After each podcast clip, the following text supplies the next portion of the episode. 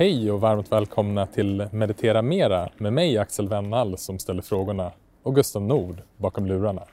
Vi är på väg hem till Gabriella Överödder som bor i Stockholm för att prata om effektiv altruism. Gabriella Överödder är generalsekreterare för effektiv altruism i Sverige. Hon har en kandidatexamen från Cambridge University i naturvetenskap med inriktning klimat. Hon har bott i Kina i sju år och talar mandarin och har tidigare jobbat som hållbarhetskonsult. Och hon blev generalsekreterare för effektiv altruism i Sverige vid 25 års ålder. Och effektiv altruism är precis det vi ska prata om med Gabriella idag. Hur kan vi göra mest nytta när vi vill göra gott? Varför är det så viktigt att vi använder hjärnan och inte bara lyssnar till vårt hjärta? Och vilka tips har Gabriella till alla oss som vill bidra till världen?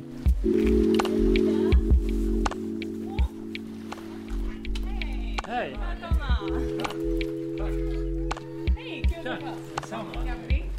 Axel,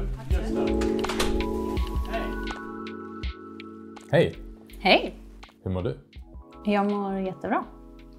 Jag eh, har haft en härlig morgon. Solen lyser så jag har varit ute och, och bara fått ta en löptur i skogen. Det har varit jättehärligt. Tack för att vi fick komma hem hit till dig idag. Vår podd heter ju Meditera Mera, men syftet med podden är egentligen att inspirera människor att leva mer närvarande och medvetna liv. Och eh, det kan verkligen effektiv altruism hjälpa oss att göra. Och jag tycker det är en så intressant koppling ändå till, eh, till meditation där vi kan försöka få med oss både hjärta och hjärna Mm. i att göra gott. Men att också undersöka hur kan vi göra gott på bästa sätt. Mm. Så vi kommer liksom inte prata så mycket om meditation idag men vi stämmer det att du mediterar lite grann?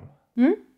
Jag eh, mediterar framför allt när jag märker att, att jag börjar bli lite stressad eller att jag inte är närvarande. Eh, att jag vill ha tillbaka den här, det här lugnet och grundläggande glädjen i kropp och sinne. Eh, då brukar jag meditera antingen här hemma nu när jag jobbar hemifrån eh, eller eh, ja, gå ut i skogen. Är det okej om vi gör en eh, meditation i slutet på det här samtalet? Absolut. Ja, vad fint.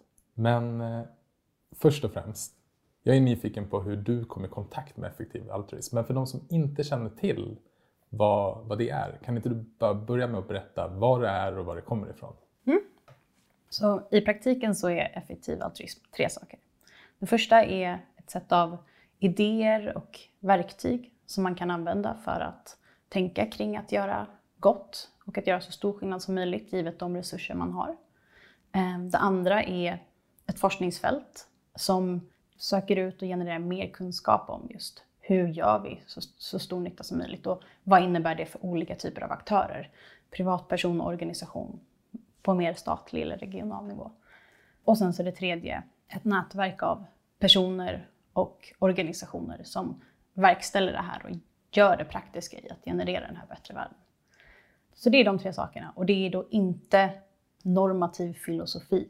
Det handlar alltså inte om att, eh, att hävda att man bör göra så stor nytta som möjligt, man bör agera på ett visst sätt, man bör ge, eh, utan snarare att om man är intresserad av att göra skillnad, man vill göra så stor skillnad som möjligt, eh, så, så är det här ett, ett väldigt, en väldigt fin verktygslåda och ett väldigt fint so- socialt sammanhang att, att befinna sig i för att i högre utsträckning kunna uppnå det.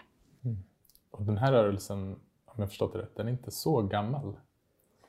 Nej, den, eh, den är strax över tio år gammal eh, och grundades i Oxford av två filosofer eh, Eh, 2009 av Toby Ord och Will McCaskill eh, som satt och funderade över, de skulle donera och vart frustrerade över att det var så himla dålig information om vad för effekt välgörenhetsorganisationerna faktiskt genererade. Så även om de ville göra så stor skillnad som möjligt med de donationer de hade tänkt ge, eh, så var det väldigt svårt för att informationen fanns inte där. Och då bestämde de sig för att men, göra det jobbet och liksom höra av sig till organisationerna och försöka göra den analysen av vad är nyttan som uppnås och hur mycket nytta uppnås för de pengarna jag ger och vad innebär det för vilken typ av organisation jag vill ge till. Och ur det så föddes en, en organisation som, helt, som jobbade med det här som heter Giving What We Can och som också upplyste folk. För en sak de märkte när de gjorde de här efterforskningarna var att gud, man kan göra så mycket med sina pengar. Att bara pengar som vi, många av oss har, har liksom privilegiet att kunna ge utöver att liksom ha ett liv som, som ger oss det vi behöver för att må bra och, och överleva. Um, så kan man göra så mycket gott med, med sina pengar. Och att de ville liksom berätta det för andra för att, för att kunna skapa någon form av community av folk som ville ge på det sättet och som ville ge medvetet. Och sen så utifrån det så växte ett nätverk av men, forskare, filantroper, privatpersoner, studenter. De var verksamma vid Oxford-universitetet och är fortfarande det. Mycket därifrån och sen så ja, folk från, från hela världen som var intresserade av det här. Och så parallellt så skapades en liknande organisation som heter Givewell som är en välgörenhetsorganisationsutvärderare eh, som finns än idag och som rekommenderar en lista på topp 10 välgörenhetsorganisationer som utifrån evidens och, och, eh, och kostnadseffektivitet eh, rekommenderas. Och sen har det växt till en rad olika forskningsinstitut som tar den här frågan på allvar om ja, men hur gör vi så stor skillnad som möjligt. Och det är allt från grundforskning av filosofi och ekonomi, av hur mäter man nytta och vad är det för typ av verktyg som bäst fångar det och vad är det för typ av styr, styrtekniker i samhället som, som bäst fångar det. Eh, grundläggande antaganden eh, inom etiken, vilka typer av moraliska skolor vi bör använda för, som vägledande principer i beslut kring att göra gott och vara Eh, goda personer. Eh, men också liksom rent lite mer praktisk forskning kring ja, vad är risken av olika typer av framtida tekniker, eh, att många har startat nya välgörenhetsorganisationer. Det har liksom bara växt av massor av olika spännande initiativ som på olika sätt bidrar till en bättre värld eller mer kunskap om hur vi kan bidra till en bättre värld. Mm. Jag vill komma tillbaka just till, till den frågan för jag tycker den är viktig när det kommer till eh, hur vi människor kan göra gott och att det oftast är väldigt tydligt kopplat till känslan det medför. Mm. Eh, men först och främst, hur kommer det sig att du blev intresserad av den här frågan? Mm. Jag eh, växte upp i, i Kina och blev ganska starkt påverkad av skillnaden i eh, levnadsförhållanden som jag såg så, liksom, så nära inpå. Dels när vi reste runt men också när vi bodde i Beijing. Eh, och har från det alltid haft en stark känsla av att vilja bidra till en bättre värld, en värld med mindre luftföroreningar, en värld med liksom, bättre levnadsförhållanden för fler människor. Och präglades mycket av alla nyheter om klimatförändringarna och alla liksom, alarmistiska rubriker om det. Eh, och ville verkligen jobba med att motverka klimatförändringar. Eh, så jag sökte för att börja plugga eh, just det. Eh, så jag läste naturvetenskap, eh, inriktning klimatvetenskap eh, på Cambridge i Storbritannien och insåg ganska snabbt när jag hade kommit dit att det var kanske inte just forskningen, alltså ytterligare en vetenskaplig artikel om huruvida klimatförändringarna var ett faktum eller om den var människoskapta som var det som skulle göra störst skillnad inom det området. Utan det, det var nog snarare att driva förändring och agera på kunskapen som var det som behövdes. Eh, så jag gick mycket i de tankarna eh, och så en dag så tipsade en kompis mig om att gå på en föreläsning på ett eh, college på universitetet. Och då var det Will McCaskill som pratade om att, att göra gott bättre eller att göra gott mer effektivt. Och det bara klickade. Jag tyckte det var en så fantastisk koppling mellan den här känslan och mycket det du är inne på, det här viljan att göra gott och känslan kring det. Och den naturvetenskapliga delen av mig. Och det behöver inte vara det för andra, men för mig var det så tydlig koppling av att det här att ja, använda forskning och att använda data. Alltså att veta att med högre, eh, med högre sannolikhet att man gör någonting som är eh, ännu mer effektivt, så man kan göra ännu mer gott. Eh, det tyckte jag var eh, ett så häftigt tillvägagångssätt. Så jag eh, började lära mig mer om det. Eh, och då kom ju ytterligare ett lager av osäkerhet. Så utöver bara osäkerheten kring inom klimatförändringarna, vad är det för typ av roller och lösningar som, som behövs och som gör störst skillnad. Så var det här nästa lagret av, är det ens klimatförändringar som är det problem där jag kan göra störst skillnad? Så då, ja, då, då vart jag ännu lite mer förvirrad och fick läsa på och tänka, tänka efter. Men, men har sedan dess blivit, liksom varit en del av, av det nätverket. Eh, och när jag flyttade hem till Sverige så var jag en del av eh, det svenska community som startades upp eh, och fick träffa andra personer som också brydde sig om att göra gott i, i, i Sverige. Jag vill komma tillbaka sen lite mer kanske specifikt på vad, vad du gör i din mm. roll som generalsekreterare. Men inför det här samtalet så lyssnade jag på ditt TED-talk mm. och då tar du upp ett exempel med Stålmannen.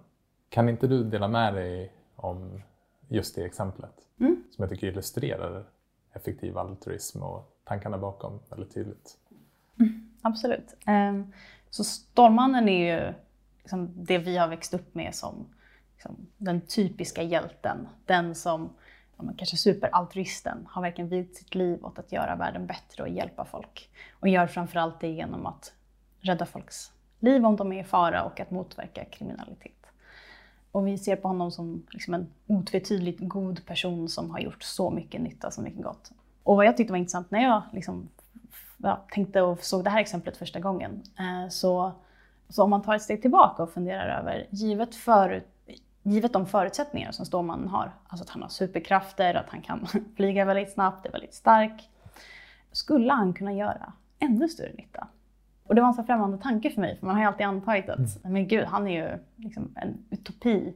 Då så finns det ja, men tankar om att om Stålmannen istället för att stå och fighta med lokala kriminella eh, istället skulle transportera vatten eller eh, till, till eh, jordbruksfält där eh, det råder torka eller transportera vatten till personer som inte har tillgång till vatten och därmed antingen dör av antingen svält eller eh, brist på, på vatten så skulle han kunna rädda många, många fler liv.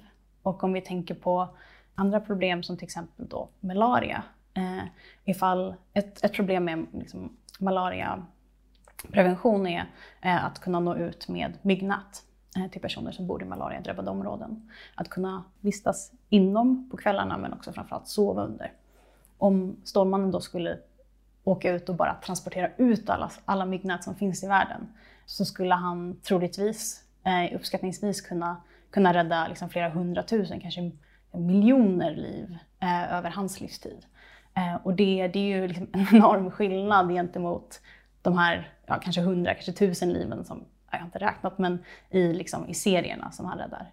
Och att det, det blir så märkligt när man tänker på det.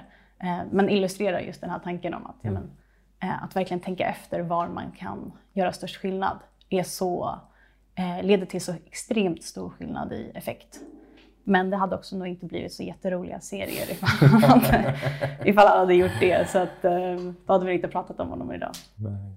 Men om vi då börjar liksom kolla på hur effektiv altruism börjar liksom angripa problem och vilka problem vi ska lösa. Så hur gör ni det? Ja, nej men när man ska välja problem så utgår man ofta från ett eh, ramverk mm. eh, som innehåller tre olika faktorer, tre olika frågeställningar. Där det första handlar om problemets storlek. Eh, du vill välja problem som är väldigt stora i storlek så att du kan göra mycket nytta. Du kollar sen på en aspekt som är hur försummat problemet är.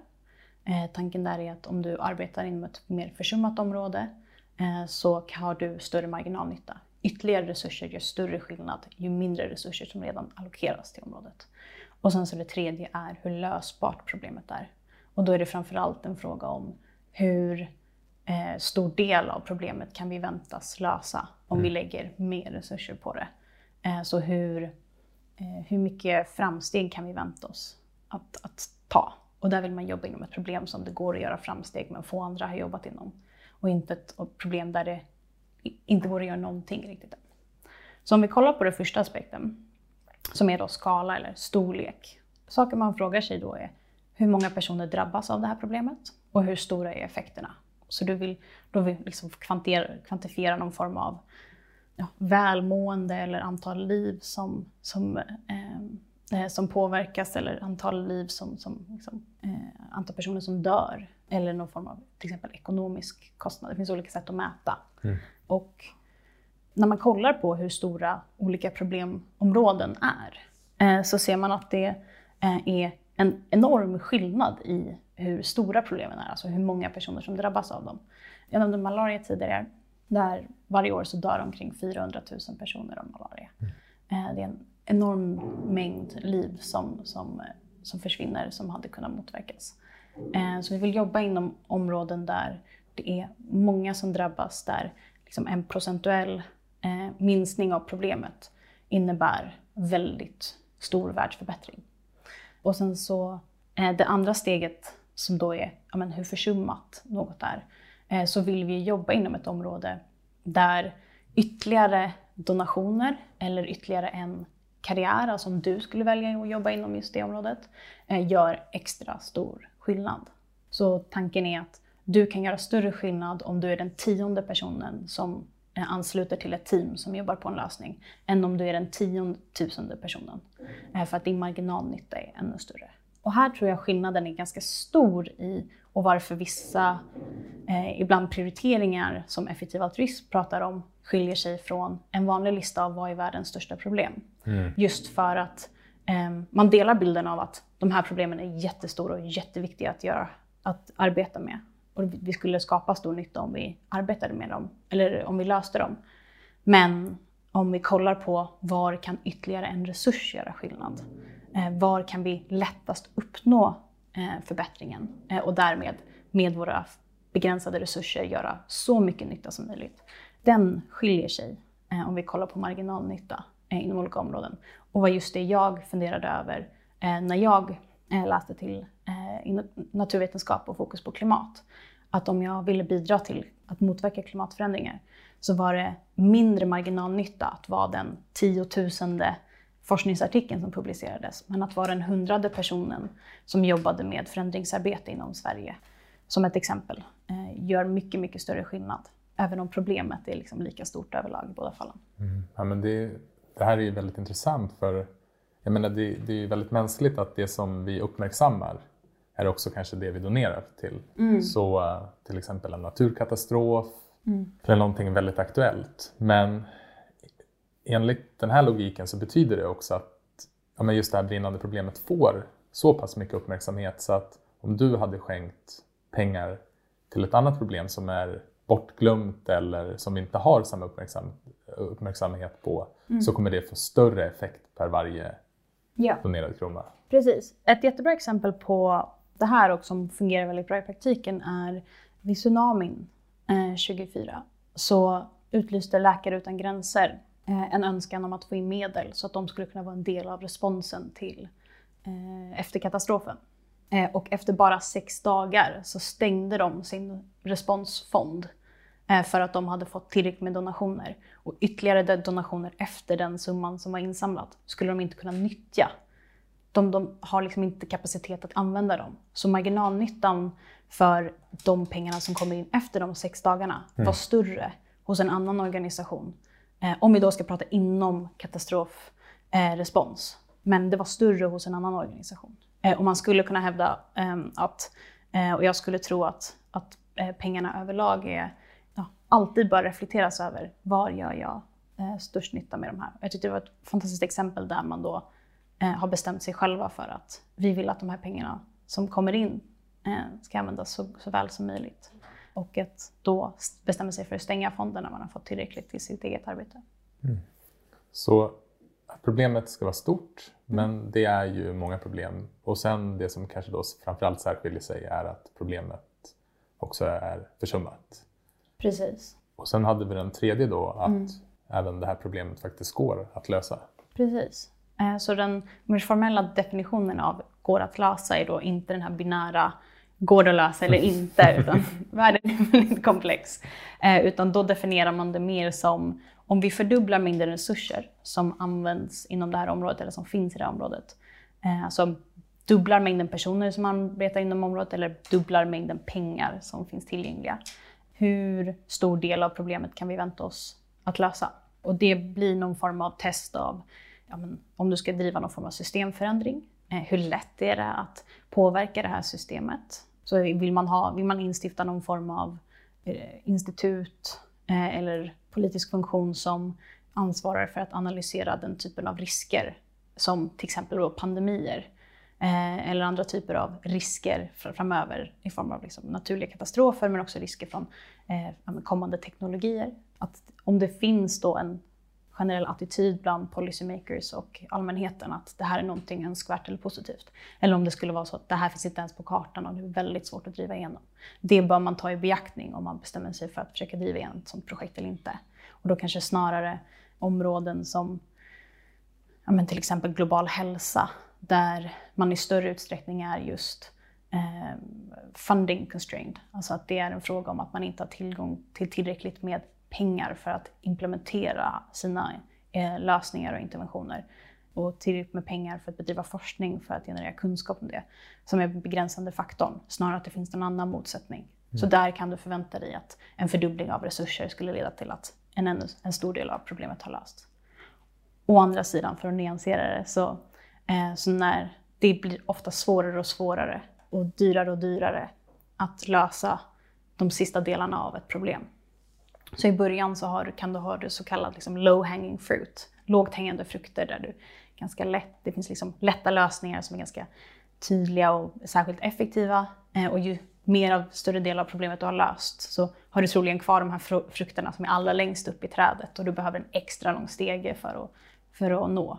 Och, och det är väl eventuellt en sån effekt man ser i slutet på till exempel interventioner inom global hälsa.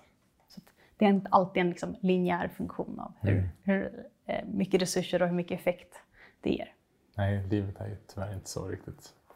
Så då har vi de tre olika delarna för hur vi kan undersöka vilka problem som vi kan lösa. Men sen kommer ju också frågan hur, hur löser vi det här problemet sen på bästa sätt? Mm. För att bara nämna varför vi börjar med problem eh, så är just det här som vi pratade om med Supermannen, att det är så himla stor skillnad i hur mycket skillnad vi kan vänta oss att uppnå mellan olika problemområden. Mm. Alltså skillnaden tror man ofta är liksom dubbelt så stor med ett område till ett annat. Men vad man ser är att det kanske är tusen gångers skillnad att arbeta inom ett område eller ett annat i form av vad man ser för, för möjligheter efter man har gått igenom de här tre olika faktorerna.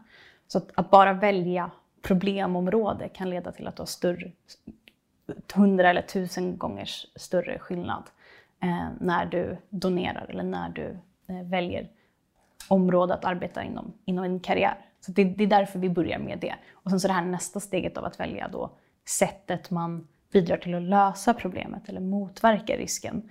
Där kan du ju hamna på att du inte gör så stor nytta alls eller eh, jobbar väldigt, väldigt effektivt. Så mm. den, den faktorn är också superviktig att tänka på. Kan du ge något exempel bara på um, där skillnaderna kan vara så stora som kanske inte är så uppenbara för, för de som lyssnar? Finns det några så konkreta exempel på, på det? Ja, så ett exempel som eh, Toby Ord nämner i sin bok The Precipice är um, om man jämför uh, biorisker, uh, och då är det den typ av naturlig pandemi som vi upplever nu, eh, men också eh, mer artificiella risker kopplade till patogener som släpps ut och leder till virus och pandemier och epidemier. Eh, om man jämför det med kemiska risker, så risker från kemiska vapen. Och han jämför då hur mycket resurser som, som läggs på de här problemen som man skulle kunna säga är ungefär relativt lika i storlek. Och FN har två organ för att motverka båda. Så ett organ som jobbar med, och en konvention eh, som jobbar med biovapen och en som jobbar med kemiska vapen. Eh, och trots att de här problemen är relativt lika i storlek, eh, de är relativt aktuella eh, alltså i form av att det liksom är pågående risker just nu, så eh, tilldelas eh, konventionen eh, för kemiska vapen eh, och eh, compliance med det och att jobba med att medlemsländer i, i FN då följer den konventionen. Det tilldelas 70 eh, miljoner kronor, eller 70 miljoner dollar per år som budget och har omkring 500 anställda. Men när vi kollar på biovapen så motsvarande konvention, men ett annat problemområde av motsvarande storlek, eh, så har det 1,5 eh, miljoner dollar och eh, tre anställda mm. på sitt kansli. Och där är då ett exempel av att om du då skulle välja att jobba, säg att du hade en, en, en profil där du skulle kunna välja att jobba inom båda. Om du då går till att jobba inom biovapenskonventionen så är du den 501 inom ett jättestort problem, eh, inom någonting som verkar till viss del lösbart, men du är en väldigt liten marginell eh, resurs. Eh, eller om du går in på ett område där biovapen, där vi ser till viss del liksom en, en, en ökning i form av vad för typ av risker som finns med, större, med framsteg inom biotekniken. Och eh, du har en mycket mindre Eh, grund, liksom, eh, tillgång av resurser eh, för att motverka det problemet. Eh, I alla fall inom organet FN. Och där skulle du då kunna vara eh, liksom en ytterligare fjärdedel av eh, styrkan som jobbar med det här problemet. Eh, så där är då skillnaden 3 mot 500, alltså liksom nästan en, en, en 100 gånger större bidrag om det går till just biovapen snarare än kemiska vapen. Mm. Så nu har vi undersökt lite grann hur vi kan men, mera, bli mer medvetna om vilka problem vi kan lösa och hur, vilken effekt det kan ha. Men den andra delen är väl sen också hur vi faktiskt löser de här problemen på bästa sätt. Kan inte du berätta lite grann om hur ni på Effektiv Altruism mäter det och mm. med det, det synsättet? Mm. Eh, så det varierar lite beroende på om man kollar på lösningar på problem som är mer systemförändringar. Eh, för att det är svårare och andra typer av mätesätt eh, för att se någon form av förändring och det är mycket längre processer. Det är en feedback loop som är mycket längre än, än för andra interventioner. Eh, men om du kollar på interventioner för insatser till exempel då inom global hälsa så, så fokuserar vi framförallt på att mäta effekt. Så att kolla på vad är resultatet av att vi genomför den här aktiviteten. Och det var det man efterfrågade de där 2029 eh, när Toby Ord och Will McGaskill satt där. Att det står ingenstans vad effekten är och hur ska vi då kunna veta vad som är bäst om vi inte vet vad det leder till. Eh, så vad är effekten av vår intervention? Och det är något jag märker själv i organisationen jag jobbar inom, att det, det är svårt att mäta effekt. Men jätteviktigt att man jobbar med det. Och det är också jätteviktigt i lärandet för att bli bättre på att lösa det problem man har bestämt sig för att man ska jobba på. Eh, så man kollar på effekten av sin intervention. Och då jobbar vi jättemycket med data. Att faktiskt försöka eh, kvantifiera. Kvalitativa mätningar är jätteviktiga, men också kvantitativa för att kunna göra någon form av uppskattning. Mm. Eh, och då kommer det ingå ofta liksom någon form av men, uppskattning, osäkerhet eller personlig värdering. Men, men, men det är bättre än att inte ha någon form av data alls, utan att bara ha en kvalitativ utvärdering. Och så kollar vi mycket på effektivitet. Anledningen till att vi kollar på effektivitet är att man önskar att vi skulle kunna ha tillräckligt med resurser i världen, pengar och liksom personer som kan jobba på problem så att alla problem skulle lösas. Eh, och vi skulle liksom kunna leva i en fantastisk värld där ingen var dåligt. Tyvärr så är det ju inte så, utan vi har en begränsad mängd resurser för att lösa en väldigt stor mängd problem. Som också är väldigt kostsamma att lösa. Och därför behöver man prioritera. Och om man vill uppnå så mycket nytta som möjligt med de resurser man har, så för mig då de pengar jag kan donera och de timmarna, de 80 000 timmarna jag lägger i min karriär, då måste jag bestämma mig för var vill jag lägga dem för att uppnå största möjliga världsförbättring. Och det är därför man då kollar på kostnadseffektivitet av för de resurser jag lägger in, hur mycket nytta kan jag vänta mig eh, att generera? Och sen så är det en fjärde aspekt som jag också tror Eh, är lite annorlunda från hur många andra tänker. Eh, och det är kontrafaktisk effekt. Så kontrafaktisk effekt handlar om alltså vad är annorlunda? Vad är effekten nu jämfört med vad som hade hänt om jag inte gjorde något?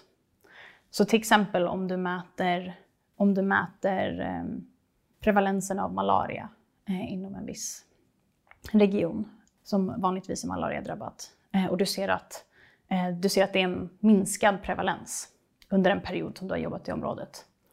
Om du, eh, du skulle kunna säga att ja, men, nu är det då min effekt, alltså effekten av att jag har distribuerat malarianät som har gjort att det är mindre fall av malaria hos den här befolkningen som jag försöker hjälpa. Gör du en kontrollstudie där du också har en kontrollgrupp, där alltså en grupp eh, som inte har nåtts av interventionen, alltså som inte har nåtts av malarianäten. Eh, så att du kan jämföra vad är prevalensen i den gruppen Och då kanske du ser att nej, men den har ju gått ner exakt lika mycket i den gruppen som inte har fått behandlingen. Okej, då kanske det snarare än att det är min behandling som har genererat minskningen i prevalens av malaria, så kanske det är att eh, malariamyggorna eh, är liksom färre. Eh, eller att befolkningen överlag har eh, varit, hållit sig inomhus mycket mer under kvällarna. Och att det inte alls är malaria eller eh, myggnäten, utan det är något annat som har genererat effekten. Och det är jätteviktigt för att veta hur man ska arbeta i sin, i sin organisation. Och jätteviktigt för oss att veta när vi ska bestämma vad för typ av eh, organisationer vi vill stötta. Och den här typen av randomiserade kontrollstudier är liksom the gold standard som används inom medicinsk forskning och, och, och något som är liksom helt självklart eh, inom global hälsa och, och, och, medicin. Men som vi ganska sällan har som tankesätt annars. Eh, samma sak eh, som sker om jag tänker kring, återigen mig själv som exempel då med min, mitt val att inte jobba inom klimatforskning. En annan aspekt av det är att om inte jag gör det så kommer nog någon annan ha den rollen. Så den kontrafaktiska effekten av att jag går in i den rollen och jobbar med den forskningen är i princip noll. Den kanske är negativ om jag hade varit en sämre forskare än den andra personen som valde det. Den kanske hade varit något positiv om jag råkade vara en bättre eh, klimatforskare än den andra personen som har gått in i det. Men den är ungefär noll. Så det här kontrafaktiska tänkandet, alltså hur hade världen sett ut om jag inte gjorde det här, är också jätteviktigt. Ehm, och är mycket av det här liksom, kopplar an till, till marginalnytta också. Av, jag donerar till här, eh, det här ändamålet, men om inte jag gör det hade, hade någon annan gjort det och ändå lett till att området varit mättat på resurser och inte kunde nyttja fler resurser mer effektivt. Mm. Och den tycker jag är superspännande att tänka på och komplicerar ofta saker och ting och gör det ganska svårt. Men är jätte, jätteviktig för att förstå just vad är, vad är den faktiska effekten av mitt agerande. Mm, men just det här utmanar ju vår intention med vad som är, inte vad som är goda gärningar, men vad, vad som är liksom de mest effektiva goda gärningarna om man ser det på så sätt. Och, och du har ju pratat om William McCaskill och i hans, i hans bok Doing Good Better så var det en sak som verkligen fick mig att stanna upp och börja reflektera över det här. För då beskriver han han har ett exempel med en läkare. Mm. Och eh, exemplet med läkaren, och det här känner ju du till såklart, men lyssnarna kanske inte gör det, är, är ju att eh, vilken effekt kan den här läkaren, läkaren ha om, om han hade valt att åka till Afrika och jobba med Läkare utan gränser? Mm. Kontra om man hade stannat hemma eller kanske till och med valt en, en karriär som plastikkirurg och skänkt pengar. Mm. Och då när man börjar mäta det här så bör man se då att nej men, det är mycket större effekt på att rädda människors liv mm. om personen hade stannat hemma och skänkt säg 10% av sin lön mm. än att åka till Afrika. Och då bör vi utmana vår intention med vad som, är, vad som egentligen är de godaste gärningarna. Mm. Och det är det som är så himla spännande och fascinerande. Så jag skulle liksom vilja prata med dig kring det här om hur vi kan, hur vi kan använda både hjärta och hjärna. Mm. Alltså, för när vi skänker eller när vi donerar, när vi vill göra någonting gott så kommer det också kopplat till en skön känsla efteråt. Ja. Det är någon sorts av bekräftelse. En, det, det, vi mår bra av att hjälpa andra. Exakt. Och det är ju superfint.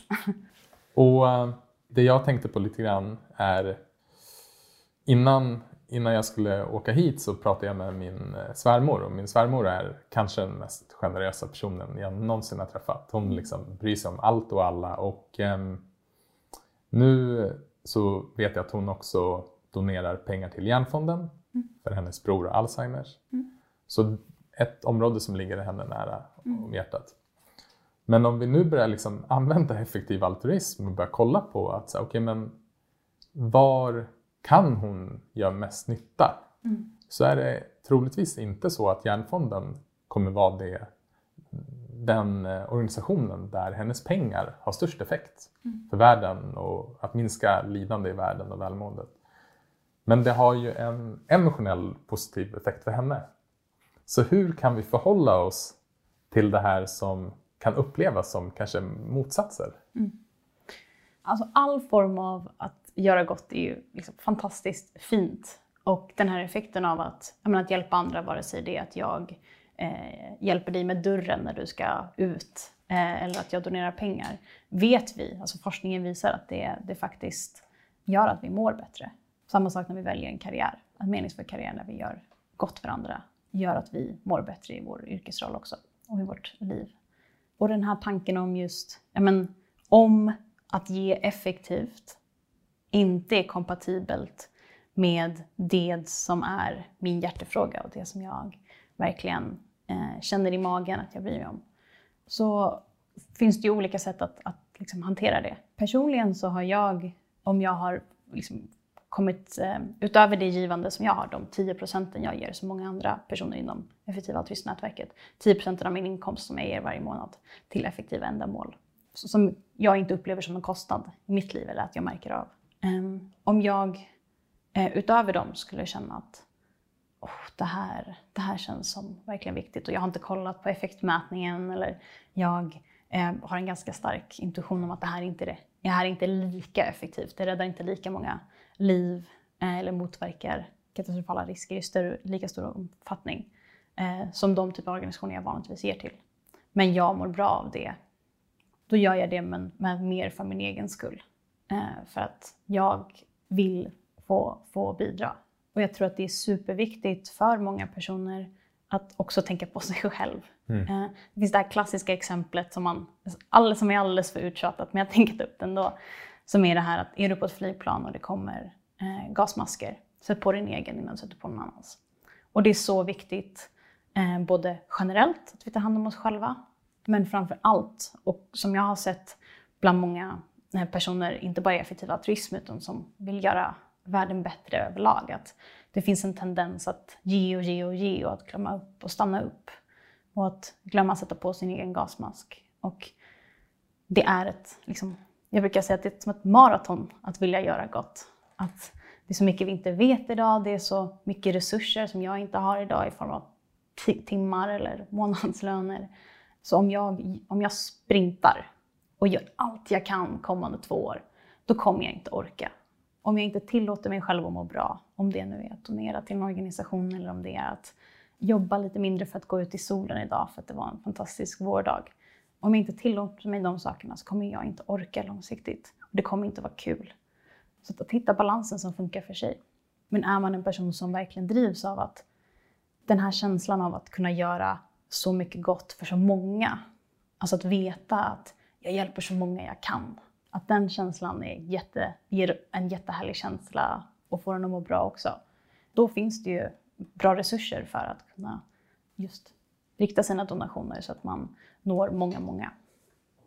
Ja, men det, det jag tycker framförallt är så inspirerande med effektiv altruism är att jag är nyfiken på men vad är sant? Vad är verkligt? Det är liksom det, det jag är intresserad av att ta reda på. Och om det finns ett verktyg som kan hjälpa mig att förstå och bli medveten om att om jag kan skänka 10 000, var kan de här pengarna ha mest nytta? Alltså var kan de ha mest effekt? Och också att då bli liksom varse om att min intention att kanske det som ligger mig närmast hjärtat är inte det mest effektiva sättet. Och det är liksom ganska sällan det. Och, och här kommer vi också in på liksom skillnaderna mellan lokala initiativ som vi upplever och ser varje dag kontra globala perspektiv. Vi har pratat om malaria och mm. de flesta av oss har, liksom, upplever inte liksom, det lidandet det medför utan man får ta till sig det genom att läsa eller ja, men, siffran 400 000 människor är ju en siffra som den är liksom, när man hör den, den, den försvinner bara ens. Mm. Alltså man kan inte greppa tag om det. Ja, det finns ett, ett ord för det, scope neglect. Vi, vi är inte byggda för att kunna internalisera det. Nej. Det är ingen skillnad på 200 och 200 000 fåglar som räddas ur en oljekatastrof för oss. Även om vi kan se det framför oss så kan vi inte känna det. Kontra, du har ju en förskola här precis nedanför Om mm. vi hade sett ett barn ramla och börja gråta mm. så hade det slagit oss direkt i hjärtat och man hade velat hjälpa till. Mm. Men det är också det som det börjar utmana oss är ju att vi har möjlighet att rädda liv. Mm. Det, det, är, du får rätta mig om jag fel här, men han, Peter Singer har väl det här tankeexperimentet. Hur hade vi ställt oss om vi hade gått förbi en, en, liksom en fontän och så ligger ett barn där och håller på att drunkna och så har vi satt på oss en, nya kläder som vi precis har köpt. Nya vårkläder. Jättedyr outfit. Liksom. Exakt. Hade vi inte haft ett moral, moraliskt ansvar att kliva ner i poolen och rädda den här personen. Mm. Och det här tankeexperimentet utvidgar väl sig sen, har vi inte det moraliska ansvaret att göra det nu, Mm. idag? Mm. Och det är en fascinerande tanke. Vad, liksom, hur ställer du dig till den tanken? Och vad, är liksom, vad, får, det, vad får den dig att liksom, agera och känna? Och... Ja, det här Drowning Child-exemplet eh, eh, som Peter Singer har är ju, illustrerar det här så himla starkt. Att man pratar om att den geografiska distansen mellan dig och en annan människa bör egentligen inte spela någon roll. Men vi vet att våra hjärnor fungerar på ett sätt att vi inte har möjlighet att känna den typen av empati för personer som vi aldrig har träffat. Eh, gentemot barnen som finns här nere på förskolan. Och en av de principer som effektiv altruism bygger på är opartiskhet. Alltså en vilja att hjälpa andra och en opartiskhet kring vem det är vi hjälper. Alla människor är lika värda oavsett om de är födda eh, i eh, Sverige, om de är födda i Uganda, om de är födda i Kina, om de är födda i Venezuela. Och bara för att vi råkar leva i samma land som de i Sverige så gör inte det att de liven är mer värda. Så sättet som jag förhåller mig till det är att jag snarare personligen fokuserar, och många andra inom effektiv autism fokuserar mer på hur många kan man hjälpa än kan jag se personen jag hjälper. Sen betyder inte det att det utesluter att jag hjälper det lilla barnet på förskolan eller att jag stöttar ideellt i en verksamhet eh, som finns i mitt närområde eller så. Men att om jag väljer att göra gott för att jag vill göra samhället eller världen bättre, då låter jag det vägledas av eh, att göra skillnad för, för personer där jag kan hjälpa så många personer som möjligt. Sen andra saker kanske jag gör mer för min egen skull. Och det finns ytterligare ett steg i det här som vi pratar mycket om i Sverige när vi pratar om klimatfrågan och det är framtida generationer. Och det är kanske ännu svårare att koppla an till att jag känner ingenting för en potentiell framtida person som jag inte ens vet om den kommer existera. Men att det är så många personer som kommer födas framöver. Det är en så liten del av världens totala befolkning som lever just nu. Att det också finns goda argument för att om antalet personer som lever från framtida generationer och som kommer drabbas av problem som vi har idag, som klimatförändringar, som framtida pandemier om vi inte lär oss av läxan eh, den här gången. Eh, men också liksom, teknologier som utvecklas. Att vi också, det finns också liksom ett intressant problemområde att, att just jobba med den typen av problem. Både för att de påverkar oss som lever idag och framtida generationer. Om man kollar på, det kom en studie nyligen som uppskattade att eh, mängden extremt fattiga i världen kommer att, eh, kommer att öka igen till följd av effekter av klimatförändringar eh, som vi vet i större utsträckning slår mot de allra fattigaste. Att vi också måste tänka på hur de problemen vi har idag inte bara påverkar oss idag utan också påverkar dem i framtiden. Eh, och det är någonting som eh, man inom effektiv altruismrörelsen och utanför pratar mycket om. Och det kopplar ju också an till det här att det är svårt att känna men jag tycker att det är superintressant att tänka på det bara rent konceptuellt eh, och landar i att men det här är ett superviktigt område att jobba inom. Och sen så om det är en person som jobbar inom det för att de tycker att effekterna av klimatförändringarna eller effekterna av eh, framtida teknologier eller pandemier är katastrofala idag eller om de tror att de kommer att vara katastrofala i framtiden. Eh, för mig spelar det ingen roll så länge vi liksom får, håller på att lösa det problemet och minskar risken att det eh, leder till eh, katastrofala effekter. Det är intressant för utifrån ett liksom mera kanske eh, meditativt perspektiv så tycker jag också att den effektiva altruismen på något sätt kan, den kan ta bort ens ego i hela den här ekvationen. Att, Okej, men vad är det som är viktigt? Är det att jag ska känna mig bra? Och det är en fullt rimlig, den mest mänskliga känslan och den vill vi inte försöka få bort. Eller är intentionen att göra liksom, så mycket nytta som möjligt. Mm. För är det det, ja men då har vi ju, eller liksom, då har ju ni tagit fram ett verktyg där vi i alla fall kan liksom börja kolla på, okej, okay, men var, var får det mest effekt? Men, men liksom jag, för när jag har läst om det här och när jag har lyssnat på olika samtal om det här så har jag hela tiden haft en känsla av att så här, ja, det är någonting i mig som inte riktigt liksom, jag, liksom det är väl uppenbarligen mitt ego då. Men, men eftersom jag har ett ego, eftersom jag är en människa så på något sätt har jag också känt att det är viktigt att bejaka den delen i mig själv. Att, eh, och det jag tänker är att det, det är liksom så lätt hänt att vi människor liksom börjar känna skuld. Att vi kan, vi kan göra mera, vi gör mm. inte tillräckligt. Mm. Men utifrån en känsla som kommer från hjärtat, en mm. kärleksfull impuls att vilja mm. ge. Ett, mm. Oavsett om du ger till Järnfonden eller till Bitskogen eller vad, vad det än är, så är det en, det är en positiv kraft som vi ska försöka eh, bejaka och försöka få, liksom, få känna den levande delen. Men det, det är liksom det jag börjar mer och mer landa ner i liksom är att jag tycker det är så intressant att kanske hitta den här kombinationen mellan hjärta och hjärna. Mm.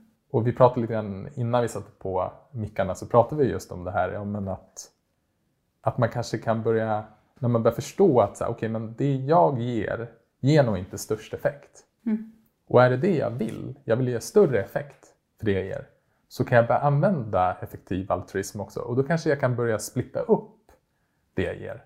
Jag kanske kan ge 50% till någonting som ligger mig väldigt varmt om hjärtat. Och så kanske jag kan börja ge 50% till någonting som inte ger mig samma emotionella belöning direkt. Men om vi kollar på i faktiska termer så har den ännu större effekt. Hur tänker du kring att kunna liksom splitta upp den här uppdelningen mellan hjärta och hjärna? Mm.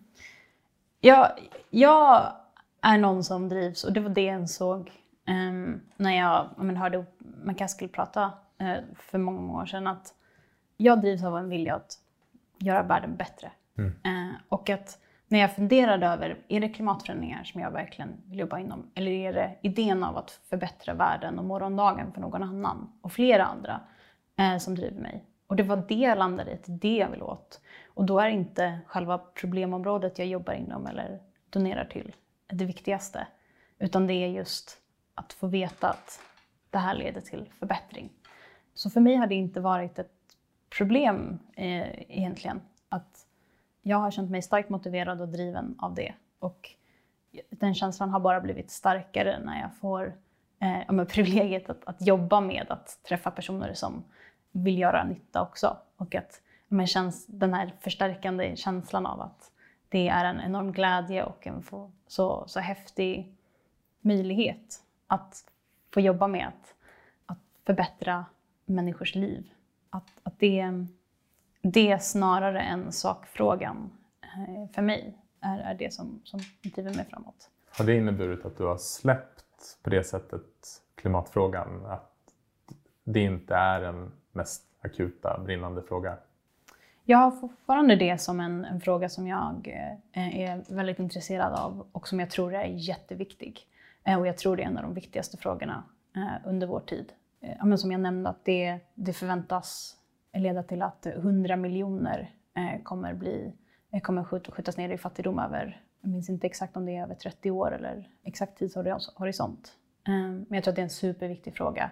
Snarare så har jag nog släppt det utifrån att jag tror inte att just jag kan göra störst nytta genom mm. att jobba där. Jag eh, tror att det finns väldigt många sätt att göra stor skillnad där och jag tror att det är viktigt att det, man arbetar med det på effektiva sätt. Men, men just för mig så tror jag att den typen av roll som jag har just nu till exempel, där jag snarare än att min idé med min roll är att snarare än att jag jobbar med ett visst område så hjälper jag hundratals andra, förhoppningsvis tusentals andra, vi får se, um, som vill jobba med att göra eh, stor nytta. Att nyttja sina resurser, alltså sin talang, sin tid, att kunna göra den skillnaden.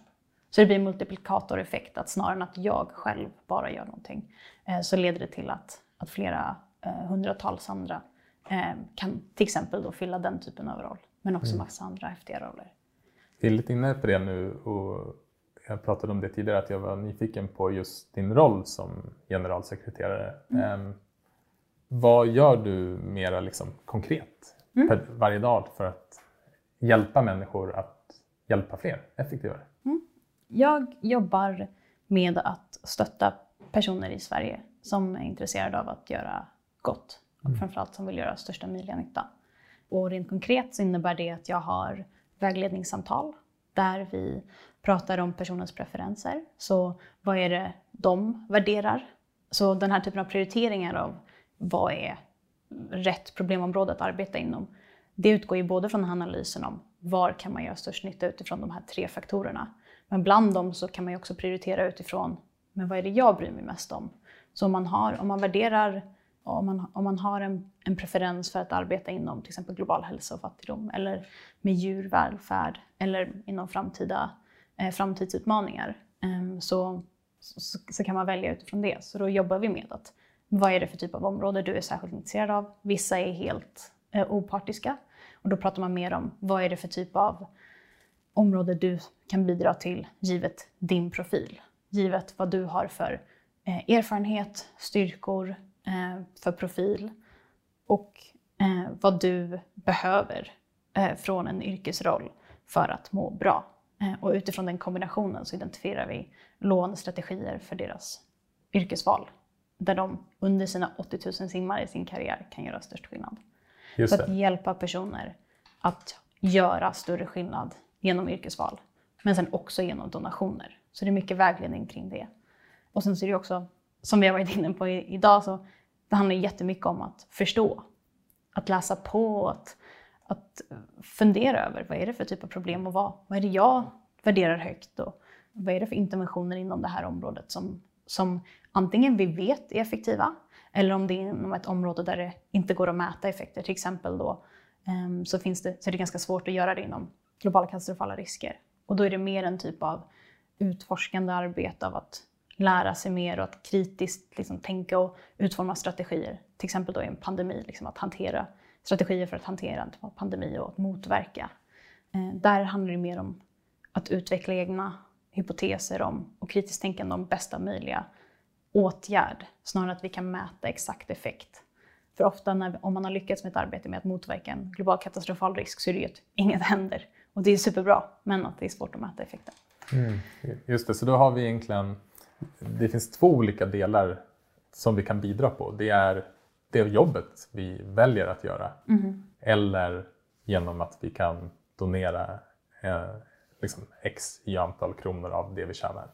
Precis. Och sen så ett tredje sätt som jag tror är jätteviktigt och som McCaskill nämner i, i boken Doing Good Better. Och det är vår möjlighet att, att hjälpa andra.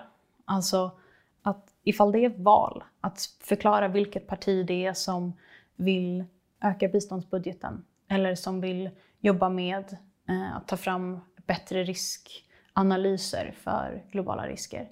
Eller vilket, ifall det handlar om donationer, att berätta om att men den här typen av organisation har jag valt att ge till och det här är varför. Eh, att ha Facebook-insamlingar.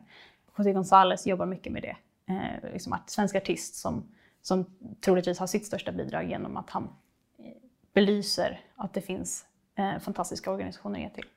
Men också att, att, bara som vår typ av verksamhet, att, att prata om möjligheten att göra gott genom sin karriär. Och på så vis så kanske det är ditt största bidrag för att du har den här multiplikatoreffekten där du har, istället för att bara dina tusen kronor i månaden, så har du påverkat sex polare och det har lett till att det är 6 000 kronor som annars inte hade getts eh, som ges varje månad. Mm. Så att det är val av karriär, val av donationer och donationer är häftiga för att det kan vi alla göra. Eh, I princip alla har möjlighet att ge någonting. Eh, sen ger man utifrån egen preferens och kapacitet. Eh, och sen så det tredje, eh, någon form av så här, sprida information och uppmuntra. Och jag vet att det finns också någon form av eh, gåvolöfte som man kan ge. Kan inte du berätta om det? För det verkar vara eh, när jag kommer i kontakt med effektiv altruism känns det som att det är någonting som många gör. Och du har pratat om det flera gånger också här i samtalet. Mm. Så gåvolöftet är en del av den här organisationen som jag nämnde inledningsvis, Giving What We Can.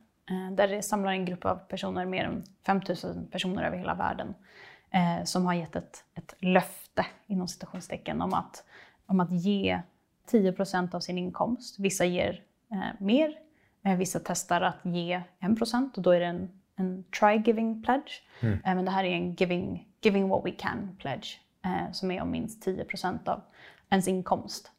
Att man ger över hela sin karriär till effektiva ändamål. Och det låter som väldigt mycket. Eh, jag minns att när jag hörde det, och det var då jag pluggade, att jag eh, tyckte att det lät som väldigt mycket pengar och att jag skulle sätta käppar i hjulet för mycket man ville hålla på med. Och det har jag aldrig upplevt när jag har gett.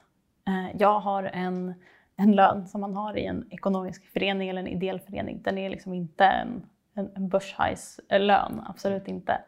Men jag tycker fortfarande att det är meningsfullt och att det absolut inte påverkar mitt välmående eller att jag behöver tacka nej till saker eller, eller eh, fundera över min privatekonomi. Utan det känns som en självklarhet och något som jag gör med glädje.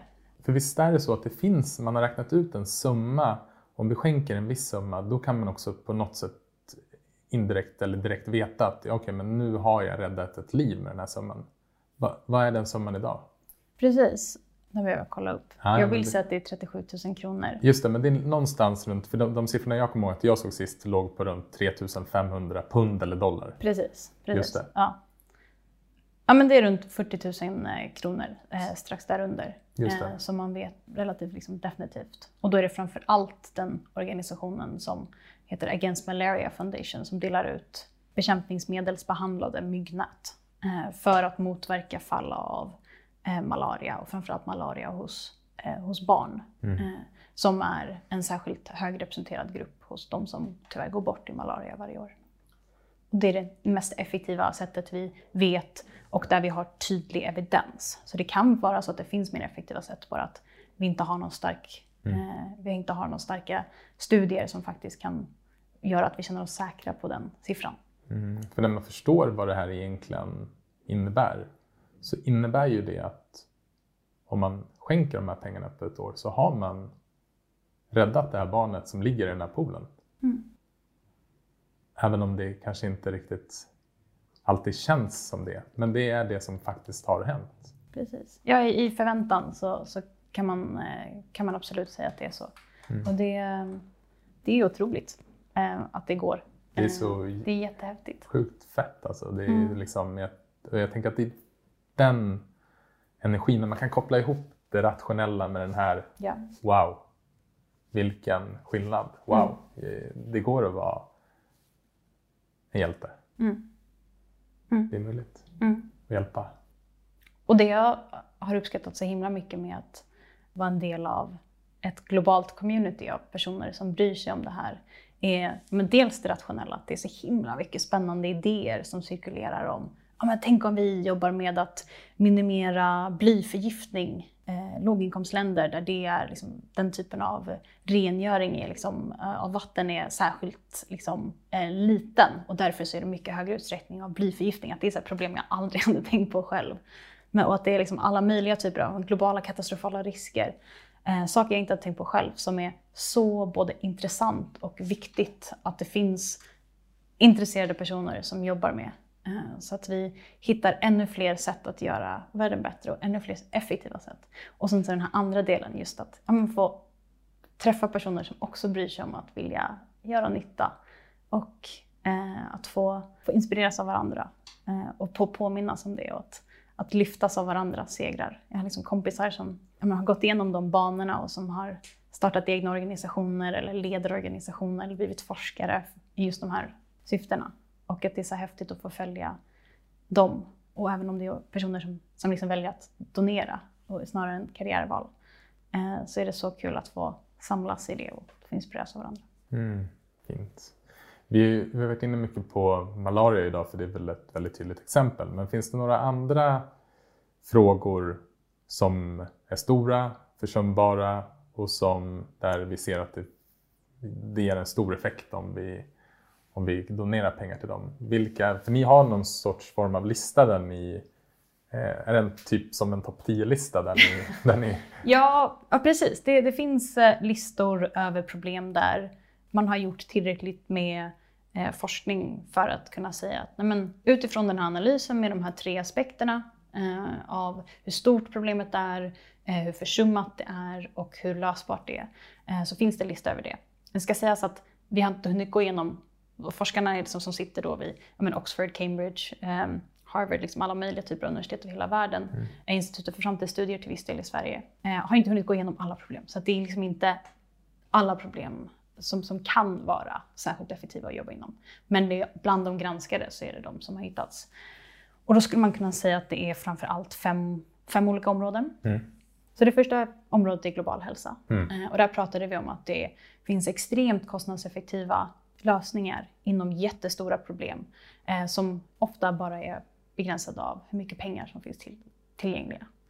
Och där hoppas jag att vi verkligen gör framsteg framöver. Speciellt nu också när vi ser att till följd av pandemin och klimatförändringar att eh, den här trenden av minskad eh, extrem fattigdom eh, ser ut att, att vända. Vilket är oroande. Och sen så har vi eh, det andra problemet som Eh, många inom effektiv altruism är väldigt intresserade av och det är djurvälfärd.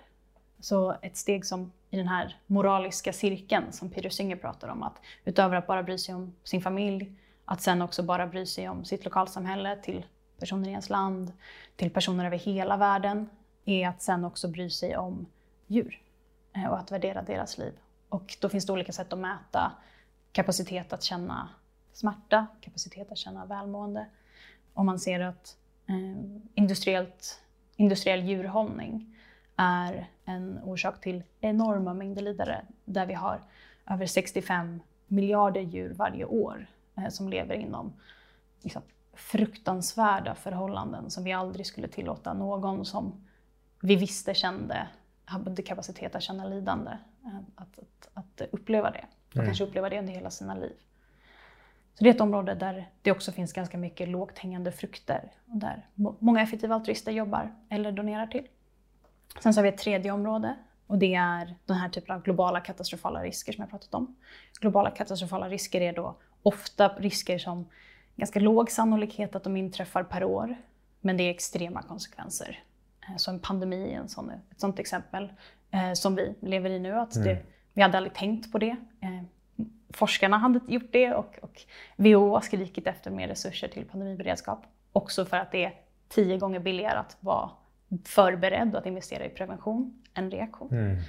Men att vi ser att även om det är låg risk år till år, så över ett århundrade så kan vi vänta oss att, att det, det, det faktiskt ska hända. Mm. Eh, och vi, om vi kollar på pandemier historiskt så, så, eh, så går det ändå att uppskatta någon form av liksom, sannolikhet att det händer under kommande århundrade.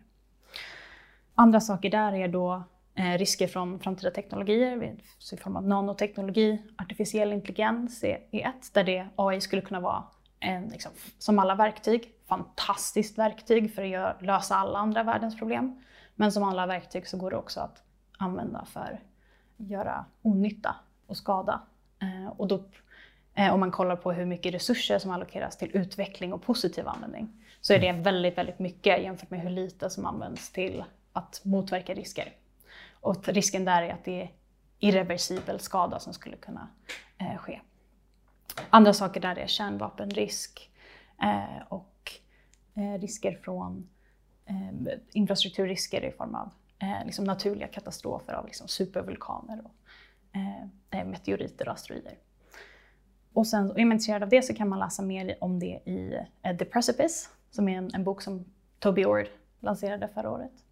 Så då är de första tre. Mm. Eh, sen har vi en fjärde som är i form av eh, att generera mer kunskap och att, att göra mer grundforskning kring hur kan vi mäta vad som är nytta? Hur kan vi, eh, vad är det för typ av moraliska skolor vi bör följa för att ta bra beslut som leder till en bättre värld? Och om vi är osäkra kring det, hur agerar man under den osäkerheten?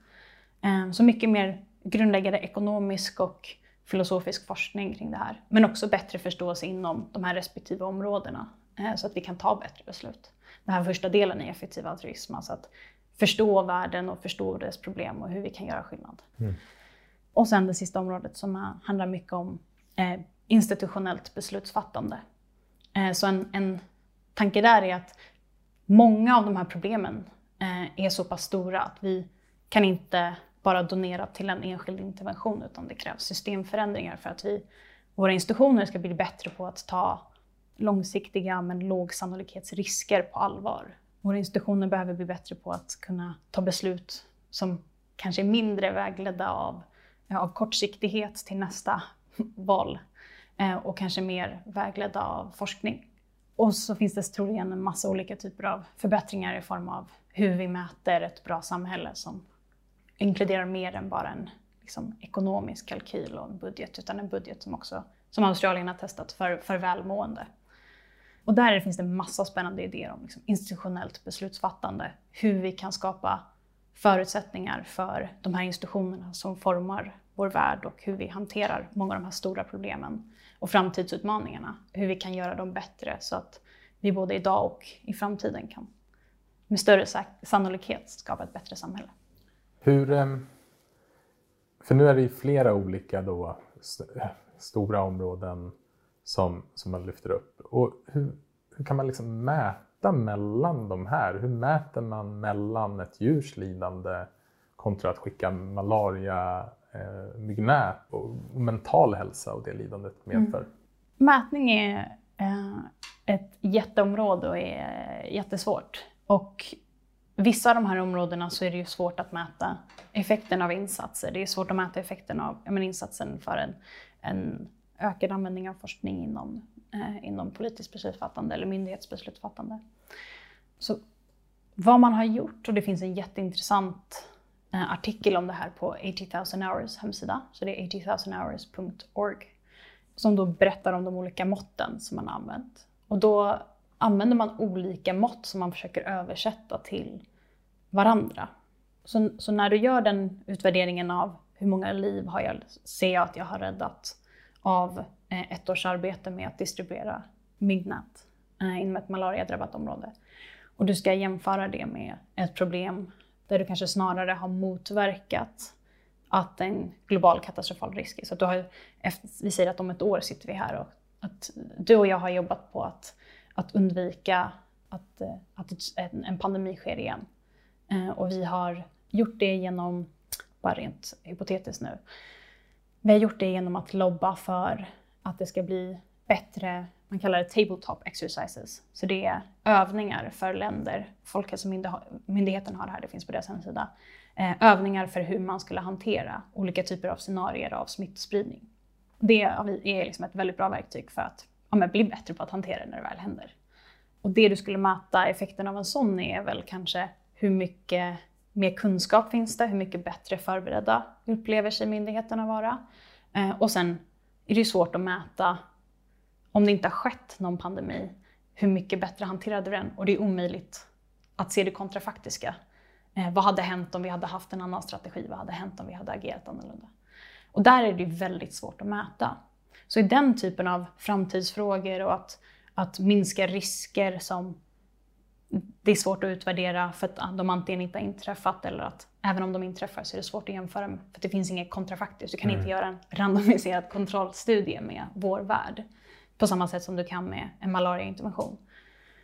Eh, då är det mycket mer det här eh, kritiska tänkandet, att anta hypoteser, att prata med experter inom området eh, där du kanske gör en du kanske har gjort en studie nu av, av vilka länder i, i världen under det här året och förra året som hade gjort de här typen av tabletop-övningar. Och ser man någon korrelation med hur antal överdöd, mängd död, överdödlighet de länderna hade? Eller ser man en korrelation mellan hur bra beslutsfattande man lyckades ha hos mm. liksom, den relevanta gruppen ansvariga, eh, experter och politiker?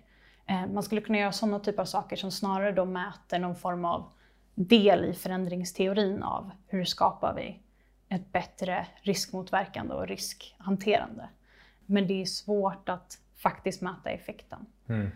Um, och, och, och, så, så sen när man jämför dem så finns det sätt att jämföra där det som 80,000 hours har gjort är att man då mäter antalet liv som man eh, kan rädda av malariainterventionen då mäter man någon form av kostnadseffektivitet per liv räddat. Mm. Och så kan man göra en kalkyl för men, när tror vi att den effekten avtar? Så tror vi att efter eh, 100 miljoner dollar donerade så klarar man inte av att fortsätta använda den interventionen. Och då, då kommer kostnadseffektiviteten gå upp, eller gå ner väldigt mycket. Eh, utan man, så man anger ett intervall för när kostnadseffektiviteten gäller. Och sen så kollar man då på till exempel interventionen för att motverka konsekvenser av framtida eh, pandemier. Och då kollar man på vad har eh, coronapandemin eller tidigare pandemier kostat i form av ekonomiskt bortfall och antal liv som eh, eh tyvärr har lämnat oss. Eh, och så omsätter man det här ekonomiska måttet till någon form av uppskattning av ja, men, förluster i skatteintäkter, all, omallokering i budget. Vad tror man att det leder till både kortsiktigt och långsiktigt för typ av effekter på minskat välmående inom ett samhälle? Och omsätter det i någon form av QALY, ett mått som används inom vården och global hälsa mm. för att mäta levnadsår vid full hälsa och kan mäta både då minskat välmående men också bortfall av välmående till följd av att någon dör. då använder man det som ett mått för eh, att kunna jämföra då de ekonomiska effekterna, vad man ungefärligt skulle uppskatta att det leder till för quality-bortfall och antal liv som man förväntar sig ungefär hade kunnat rädda genom att ha en bättre respons till ett mm. pandemiutbrott. Eh, och då kan man jämföra dem ungefär, men det är alltid jättesvårt. Det, det låter liksom väldigt komplext att kunna jämföra mellan de här olika prioriteringsområdena men däremot så verkar mätverktygen vara väldigt tydliga inom de här olika problemområdena. Man har en tydlig fråga att man kan se, okej okay, men just i den här specifika, det här specifika problemet vi vill lösa så kan vi se att vi får mera effekt om vi stoppar in pengar i den här organisationen kontra den här organisationen. Mm. Precis, och jag vet inte om jag återgav det så jättebra nu. Det, det är jättesvåra frågor. Och, Såklart. Eh, men... eh, och det är en del av varför det här steget generera mer kunskap behövs. Mm. Så det finns ett forskningsinstitut vid Oxford-universitetet som heter Global Priorities Institute som startades av eh, bland annat Will McCaskill och andra filosofer. Eh, Hillary Graves eh, som är, eh, leder institutet är fantastisk. Och hon och institutets forskare forskar just på den här typen av frågor. Ska vi prioritera globalt mellan mm. olika problemområden? Och hur kan vi jämföra olika områden? Det finns inga bra verktyg idag. Mm. Vad skulle vi kunna använda för bättre verktyg? Det kommer troligen vara jättesvårt även i framtiden. Men vad är bättre sätt att jämföra här så att vi kan ta mer informerade beslut? Spännande. Spännande ja, superhäftigt. Jättehäftigt. Jag tänkte innan vi ska runda av vårt samtal så nu eh, när vi ses här och jag liksom har ju då eh, dig som generalsekreterare och att du faktiskt skulle kunna coacha mig i att kunna göra eh, gott lite bättre. Så eh, efter vårt samtal och, så är liksom, nu är jag väldigt nyfiken och känner att ja, det finns någonting i mig som skulle vilja göra mera. Mm. Så eh, vart börjar vi? Oh, um, om vi pratar om de olika sätten det kan göra gott. Om vi pratar om först donationer. Donationer är ju häftiga för att eh, det spelar ingen roll vem det är som ger. Alltså pengar från dig, pengar från dig eller pengar från mig. Det gör ingen, det är ingen skillnad för ändamålet. Så där kan man ju kolla på en relativt standardiserad lista av. Är det djurvälfärd jag vill arbeta eller jag vill bidra till? Finns det en lista på rekommenderade organisationer. Är det global hälsa så finns det Givewell, givewell.org, som mm. gör en, en lista. Um, där den här Against Malaria Foundation toppar i effektivitet och evidens. Uh, och sen så kan det ge till mer spekulativa fonder som, som i sin tur allokera resurser till projekt och insatser för att motverka globala katastrofala risker. Mm. Så, så det är första steget. Eh, att, att, att ge och bestämma vad, vilken mängd ge du är bekväm med. Och där kan man ju testa och känna efter. Eh, och sen framför allt skillnaden i att ge 100 kronor eller 1000, det är en 10 gångers skillnad. Men framför allt, det var skillnaden i effekt är, är ju att gå från en organisation som är bra till en organisation som är liksom superbra eh, och som kanske gör hundra gånger större skillnad. Så då har du ännu mer nytta. Eh, det finns en studie på, på hur väl vi uppskattar skillnaden i effekt från olika välgörenhetsorganisationer. Genomsnittet är 1,5 gångers större effekt från den bästa organisationen jämfört med den genomsnittliga. Så det är det vi, Det är det vi tror. det är det vi tror. Att det är skillnad. Experter tror att det är 100 gånger skillnad och 100 gånger skillnad är vad det liksom faktiskt visar sig vara. Eh, Så att vi är fel om nästan en, en, en, en eh, faktor av 10 eh, i våra uppskattningar. Och jag tror att det också leder till att färre tänker på att eh, det spelar inte så stor roll om jag tänker på vad jag donerar. Det är väl 50 i ökning i effekt. Men egentligen så är det liksom en, 10, eh, en 100 gånger större effekt. Eh, Och då tror jag att fler skulle tänka till, även om vi såklart också styrs mer av känslor. Så det är den första, att, att tänka på vad du är intresserad av att ge till och sen göra en efterforskning och sen ge det du är bekväm med. Eh, Den andra är, ja men du har ju en podd, att, att nå ut med information till personer om eget välmående, om hur man kan hjälpa andra och att göra det till vänner och bekanta. Eh, att- Alltså att, att använda din potential till advocacy för en bättre värld. Så att fler kan göra nytta inom problem som behöver mer talang, behöver mer donationer. Och sen så det tredje är val av karriär. Och den här frågan, den rådgivning vi ger här, brukar jag kalla en kombination av perspektivet vad är det världen behöver? Och där kollar vi på mycket av det vi har pratat om idag. Vad är, mer effekt, vad är mest effektivt? Vad är det för roller som är särskilt viktiga för att lösa eh, olika typer av problem? Eh, så att man också kollar på vad är effektivt inom problemet och för typ av roller som bidrar inom organisationerna. Med vad är det du kan erbjuda och vad är det du behöver? Så att vi kollar på om du vill jobba i Sverige eh, och inte vill jobba internationellt. Om du vill, behöver jobba i ett team för att må bra dagligen. Om du behöver få se effekten av ditt arbete så kanske du inte ska jobba med pandemimotverkan utan du ska nog jobba med eh, interventioner och problemområden där man starkare har en kortare feedbackloop i ditt arbete. Eh, så då jobbar vi under de samtalen med att kombinera de perspektiven. Och det vore väldigt oansvarigt av mig att försöka ge dig några råd utan att ha massa information om just vem är du? Vad, vad är det du har för styrkor och erfarenheter och vad behöver du i en, eh, i en karriär? Eh, Så att, eh, det tar jag gärna i ett separat samtal. Vi tar det privat sen. Ja, ja. absolut. Väldigt gärna. Du, tusen tack för att du har upplyst om hur man kan göra världen lite bättre.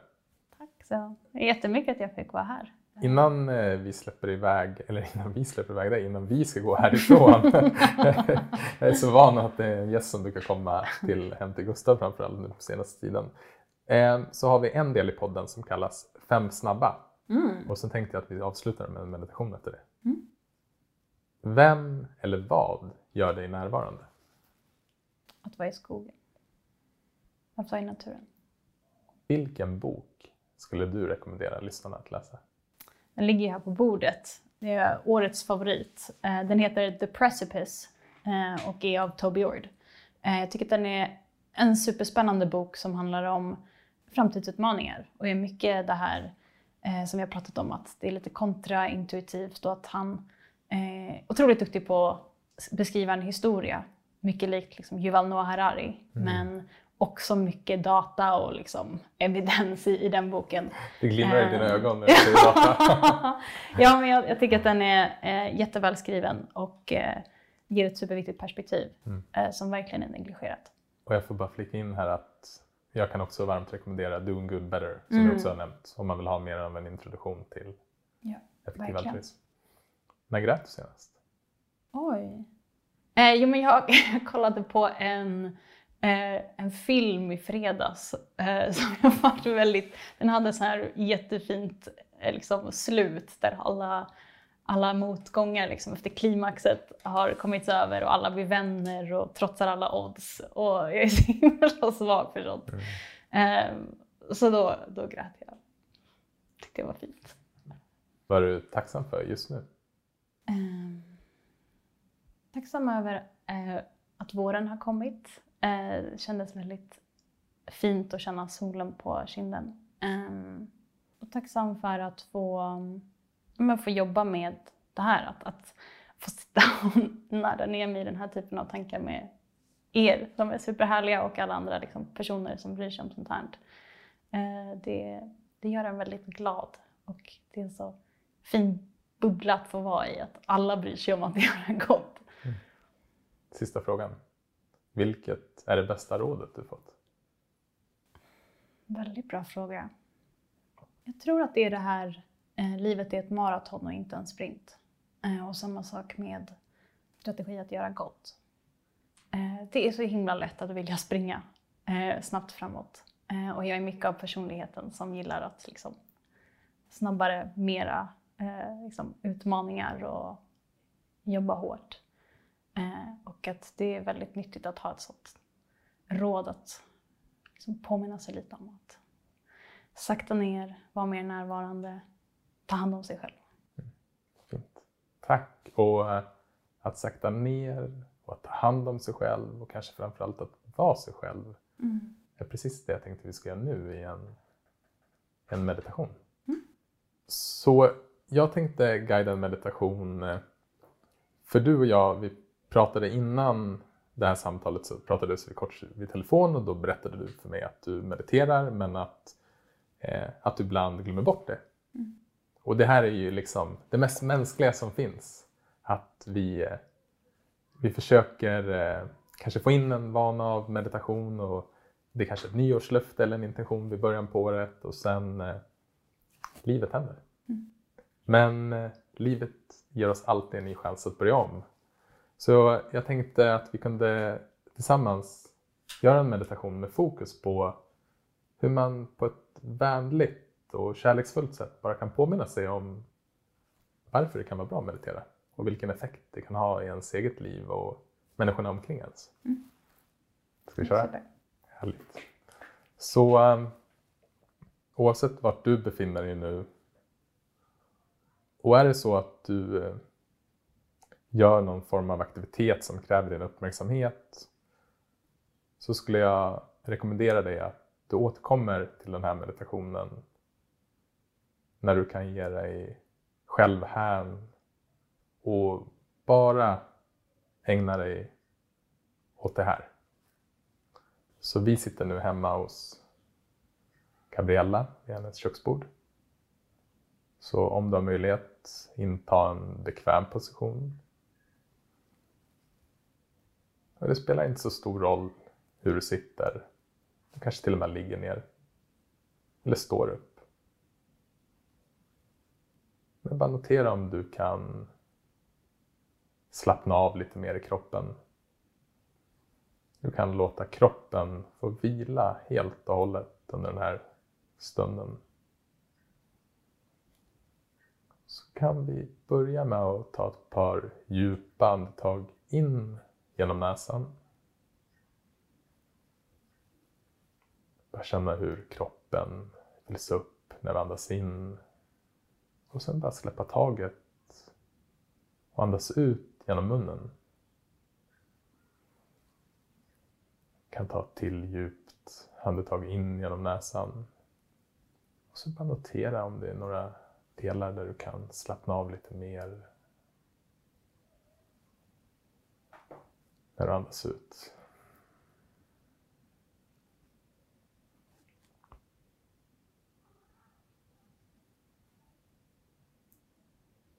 Och så kan du vända uppmärksamheten till de delarna av din kropp som är i kontakt med underlaget. Så du låter gravitationen vara ditt ankare i nuet. Känn din tyngd.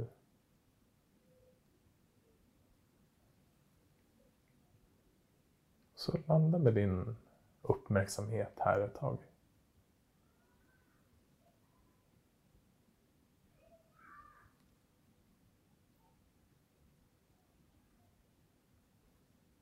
Bara påminn dig om den här intentionen att uppleva det här ögonblicket istället för att tänka om det.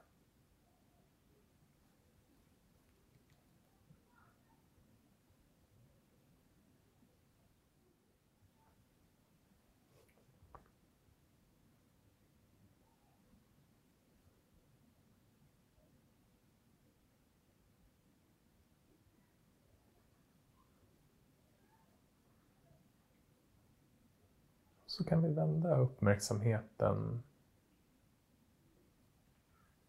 in i kroppen.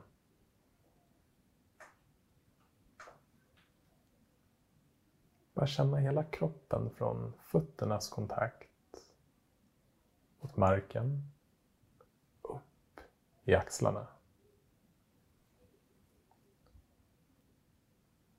Så vi bibehåller uppmärksamheten kroppen från halsen och neråt.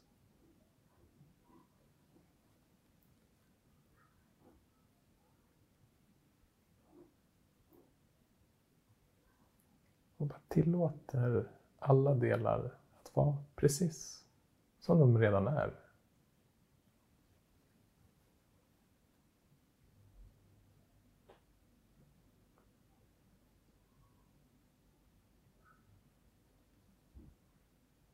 Och när vi gör det kan vi nyfiket notera hur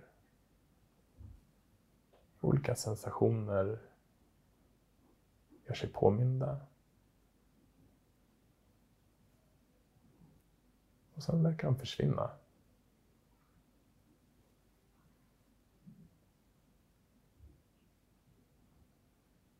Då ska vi möta vår upplevelse med vänlighet.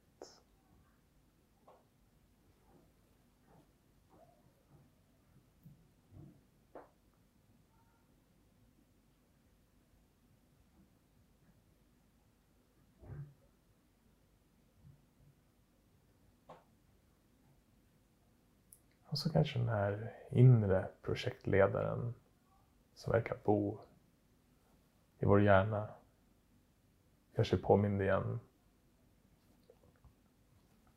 Kommer på någonting viktigt som vi ska göra sen. Eller någonting vi skulle kunna lärt oss av det som redan har hänt.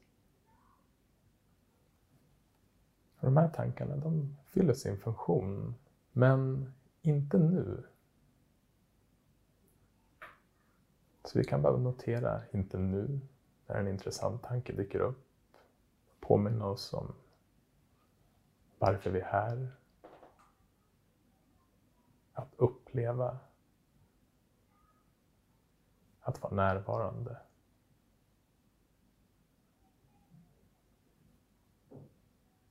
Vi har resten av dagen att ta tag i alla viktiga tankar.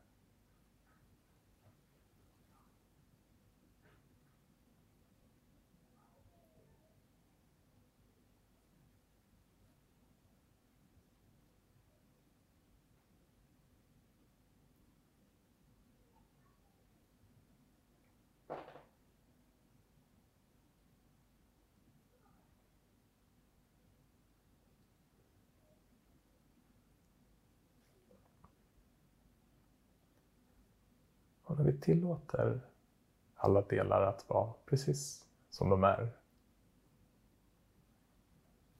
så kanske också vår upplevelse blir lugnare.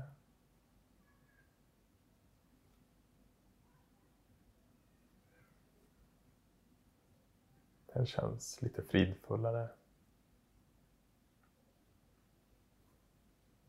Om inte annat så känns det okej. Okay. Inte längre emot det som är.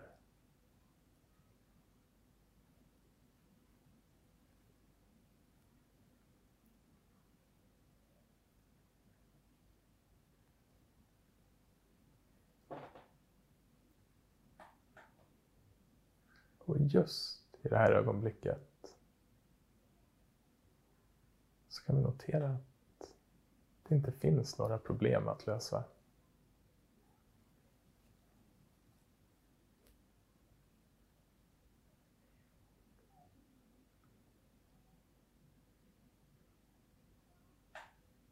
Så nuet är en plats att vila på, hämta energi i.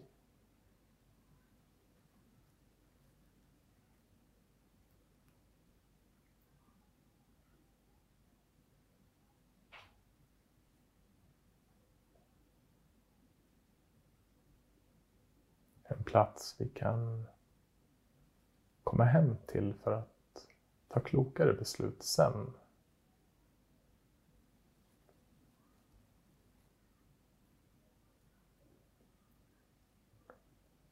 så kan du vända uppmärksamheten till området mitt i bröstkorgen. det här området som jag brukar kalla hjärtat. Och bara nyfiket notera hur det känns här, just nu.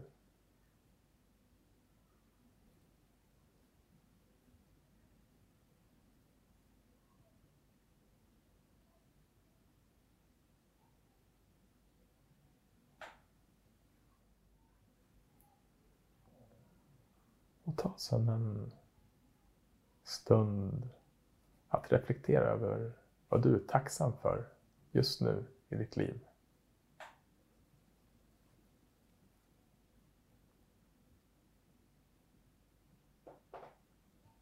Och när du kommer på någonting så låt den här tanken sippra ner i kroppen så att du verkligen känner hur det känns att faktiskt vara tacksam för att du har det här i ditt liv. Oavsett om det är en relation, din hälsa, den första koppen kaffe på morgonen.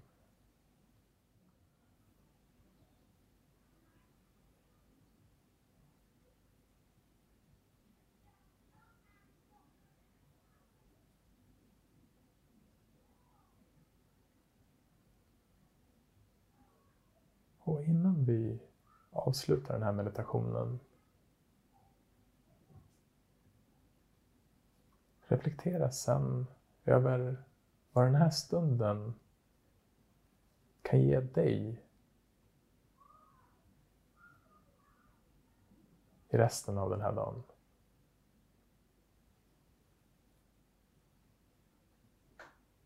Vad vill du ta med dig från att har gett dig själv gåvan att stanna upp så här?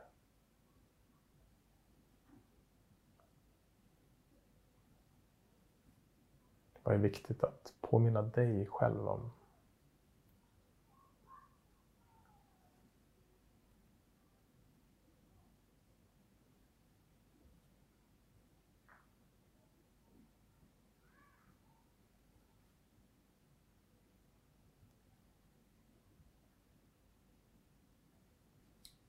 Och se sen också hur att du har tagit dig den här tiden kan påverka människorna i ditt liv.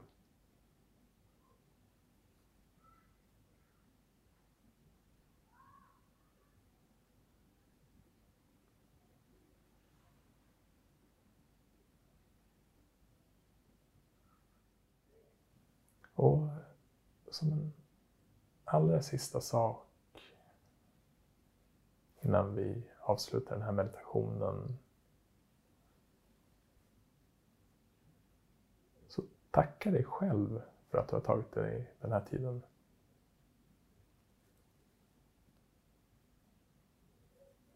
Det kanske fanns ett motstånd innan du satte dig ner.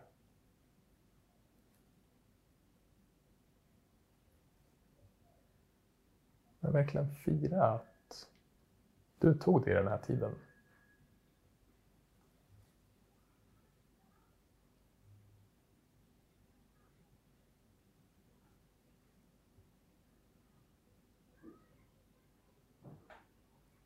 Och så kan du lugnt,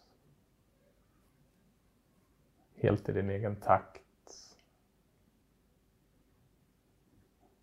öppna ögonen om du haft dem slutna och vända tillbaka uppmärksamheten till eh, rummet eller den plats där du befinner dig just nu.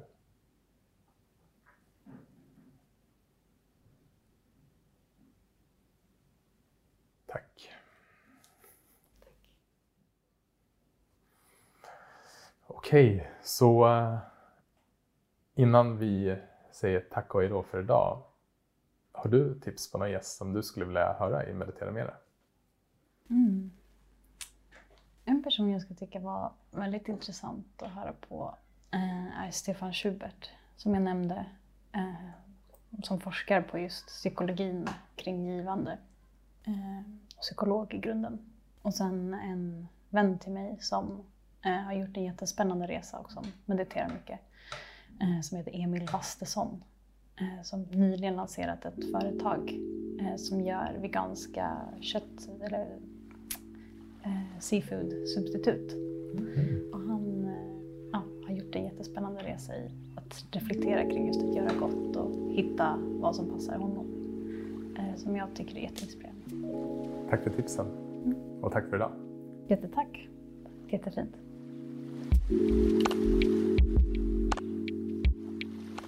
Tack för att du har lyssnat på det här avsnittet av Meditera Mera med Gabriella Överudder om effektiv altruism.